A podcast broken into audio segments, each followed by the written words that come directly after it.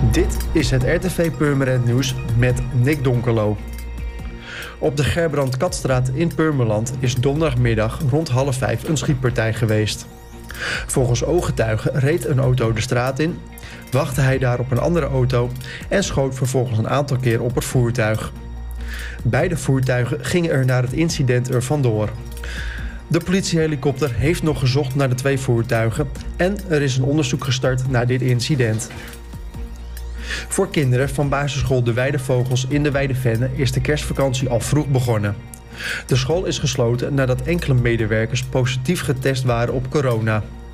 Ook blijken nu enkele kinderen besmet te zijn met het virus. Het is de tweede keer dat de overkoepelende organisatie van basisscholen in Purmerend en omgeving een school moest sluiten in verband met het virus.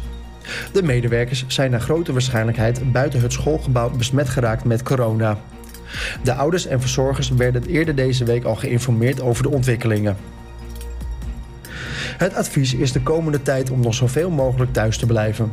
Een kerstbomeninzameling waarbij inwoners op pad gaan, vindt de gemeente Purmerend hier niet bij passen. Daarom worden er kerstbomen na de feestdagen door de medewerkers van de gemeente opgehaald. Inwoners kunnen de kerstboom neerleggen op een plek die goed bereikbaar is voor de vrachtauto en waar de boom het verkeer niet belemmert. Vanwege het landelijk vuurwerkverbod kan dit nieuwe jaar alleen worden ingeluid met sterretjes, knalertjes en sierfonteintjes. Daarom is er dit jaar ook geen inzameling van het vuurwerk. Voor meer nieuws, kijk of luister natuurlijk naar RTV Purmerend, volg je onze socials of ga naar onze website, dat is www.rtvpurmerend.nl.